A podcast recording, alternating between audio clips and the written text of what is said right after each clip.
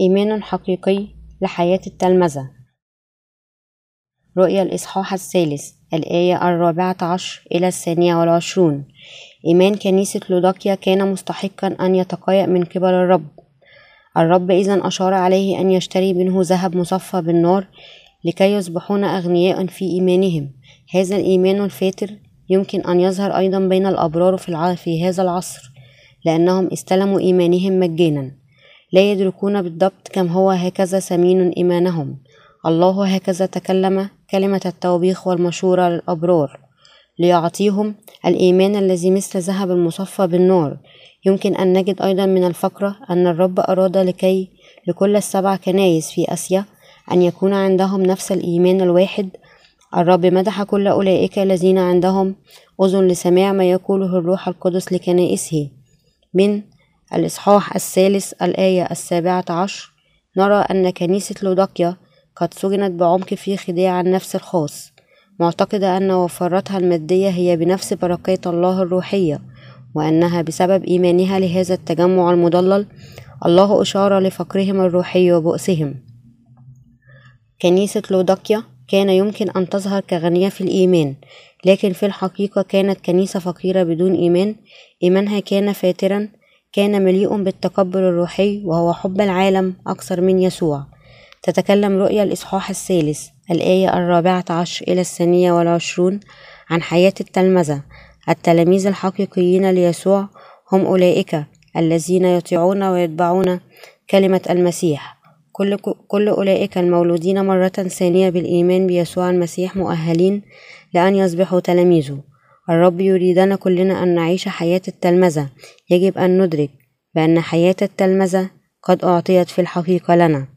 في هذه الفقرة يقول الرب أنه سيتقيأ القديسين الذين لا يحيون حياة التلمذة كما هو مسجل في الآيات الخامسة عشر والسادسة عشر. أنا عارف أعمالك أنك لست باردا أو لا حارا ليتك كنت باردا أو حارا لأنك فاتر ولست باردا ولا حارا أنا مزمع أن مع أن أتقياك من فمي إذا كان المخلص لا بارد ولا حار أمام الرب. هذا يمكن فقط أن يشير لفقرهم الروحي. أيضا مثل هؤلاء الناس لا يعرفون حياة التلمذة بعد لكن كل من ولد مرة ثانية يجب أن يحيا حياة التلمذة. نحن قد افتدينا بالإيمان بإنجيل الماء والروح. هذا هو خلاصنا ماذا إذا أعطينا بعد خلاصنا وبعد الولادة مرة ثانية. نحن قد أعطينا حياة تحاول أن تصبح مثل الرب. نتبع ونطيع وصاياه ونسعى وراء كلمته. هذه هي حياة التلمذة. طالبا حياة التلمذة هذه من قديسيه وبخ الله كنيسة لودقيا بقوله أنها ليست باردة ولا حارة. إيمان لا بارد ولا حار هو إيمان فاتر. ما هو نوع الإيمان إذن؟ لهذا الإيمان الفاتر الذي يعرض كثيرا من الراحة للبشرية بكونه لا بارد ولا حارا إنه الإيمان الذي حاول أن يكون عنده كل الطريقين أن يكون عنده الكعكة ويأكلها أيضا. إنه الإيمان الذي لا يعيش حياة التلمذة. أولئك الذين إيمان فاتر هم أولئك الذين مع أنهم خلصوا لا يتبعون إرادة يسوع.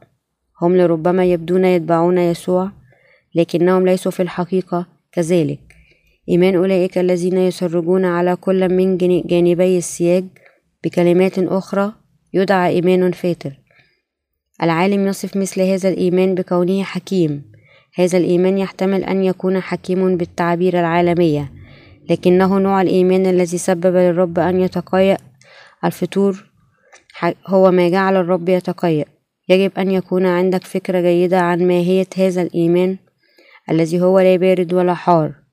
أولئك الذين إيمانهم لا فاتر لا يتحدون ولا ينفصلون عن أعمال كنايس الله. هم يعملون ولا يعملون في نفس الوقت. حياتهم الإيمانية مثل هذا. كما لو أن مضبوطين على علامة كل ستون ثم يضبطون أنفسهم لأن يكون بالضبط على ستون لا أكثر ولا أقل. أولئك الذين حياتهم الإيمانية مثل هذا بالأخص فقراء. كما تقول الآيات السابعة عشر والثامنة عشر لأنك تقول أني أنا غني وقد استغنيت ولا حاجة لي إلى شيء ولست تعلم أنك أنت الشقي والبؤس وفقير وأعمى وعريانا. أشير عليك أن تشتري مني ذهبا مصفى بالنار لكي تستغني وثيابا بيضا لكي تلبس فلا يظهر خزي عريتك وكحل عينيك بكحل لكي تبصر. أولئك الذين إيمانهم فاتر يأخذون إزدهارهم. الدنيوي كوفرتهم الروحية مع أنهم يشعرون بأنهم في الحقيقة تعيسين تعابة وفقراء لكنهم لا يدركون ذلك بالكامل. هؤلاء الناس لا يعرفون أنفسهم يعتقدون في أنفسهم أنا بخير أنا ذكي مخلص ومقبول من قبل الآخرين ولذا فإنه مناسب لي أن أعيش بمثل هذا مع أنني خلصت ويحيون حياتهم بمقاييسهم الخاص. هؤلاء الناس مخلصون للعالم لكنهم ليسوا مخلصين لكنيسة الله. إيمانهم فقط فاتر. الله إذا قال أنه سيتقيأهم يجيئون إلى الكنيسة بدون هدف. أكبر من أن يتجنبوا طردهم. يحضرون فقط خدمة الكنيسة ويغادرون. حالما تنتهي الخدمة. هم لا يشاركوا أبدا في أعمال الكنيسة طوعا وإذ هم عملوا ذلك يتأكدون بأنه الاشتراك الأصغر. هم يعملون لكنهم لا يعملوا هم لا يعملوا لكنهم يعملون. هؤلاء الناس فقراء روحيا. الرب أشار بالآتي لهؤلاء الناس أشير عليك أن تشتري مني ذهبا مصفى بالنار لكي تستغني وثيابا بيضا لكي تلبس فلا يظهر خزي عريتك وكحل عينيك بكحل لكي تبصر. قال لهم أن يشتروا منه ذهبا مصفى بالنار لكي يصبحوا أغنياء. إذا أردت حقا أن تتبع الرب وإذا أردت حقا أن يمدحك لإيمانك يجب أن تتعلم إيمانك. كيف إذا يمكن أن تتعلم الإيمان؟ يجب أن تتعلمه بدفع ثمن التضحية والإيمان بالكلمة. الفقرة تخبرنا أن نشتري ذهب مصفى بالنار. هذا يعني أن هناك العديد من المحاكمات والمحن لنا عندما نجيء لأن نتبع كلمة الله. لكن كل هذه المحاكمات والمحن يمكن أن التغلب عليها بالإيمان وإتباع كلمة الله. بعمل هذا قلوبنا تصبح مصفاة يعطينا الإيمان الذي يعترف بكلمة الله لأنها الحقيقة ويؤمن بها بكل القلب. هذا هو الإيمان الذي مثل الذهب المصفى. لتكسب الإيمان الحقيقي يجب أن تدفع هكذا ثمن التضحية وبدون دفع ثمن التضحية لا يمكن أن تتعلم الإيمان. وبكلمات أخرى لا يمكن أن نتعلم الإيمان المرور خلال المصاعب. إذا كنا نريد أن نصبح أناس الإيمان فلنحيا حياة تلمذة الرب ولنبارك لإيماننا ثم يجب أن ندفع ثمن التضحية. بدون تضحية هذا لا يمكن أن ينجز. من عنده الإيمان القوي منذ البداية. لا أحد.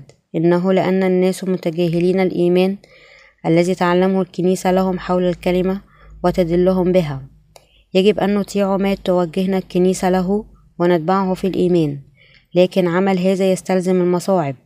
في بعض الأوقات نحتاج الصبر لهذا أن نصبح أناس الإيمان باستلام توجيه الكلمة بالزمالة والتعليم مصحوب بالتضحية لكن لأن الناس لا يريدوا أن يضحوا مع أنهم يريدون أن يتعلموا الإيمان لا يمكن أن يأخذوا الإيمان الحقيقي المصفى.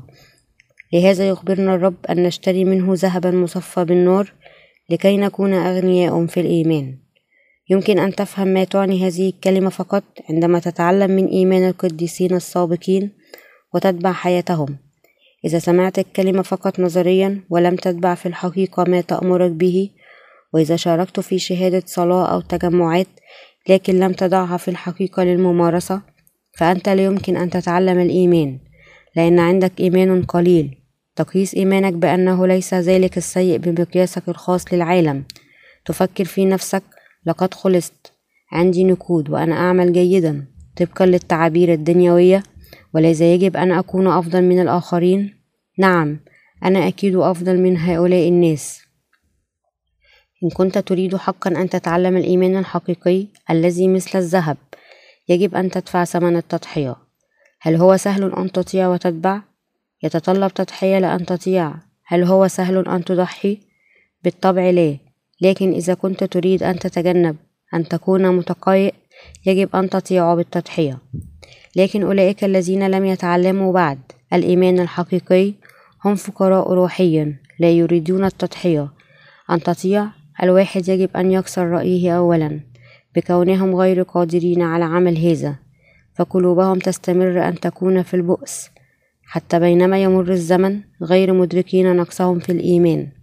هم فقط ينتهون إلى لوم القديسين الذين ذهبوا أمامهم في الإيمان من وراء ظهورهم.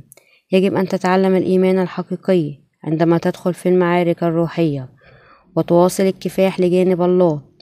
إيمانك سينقى كلما تكسب غنائم روحية وتدرك ما تتطلبه أن تعيش حياة النصر الروحي. يمكن أن تعرف هذا الإيمان فقط عندما تجربه في الحقيقة.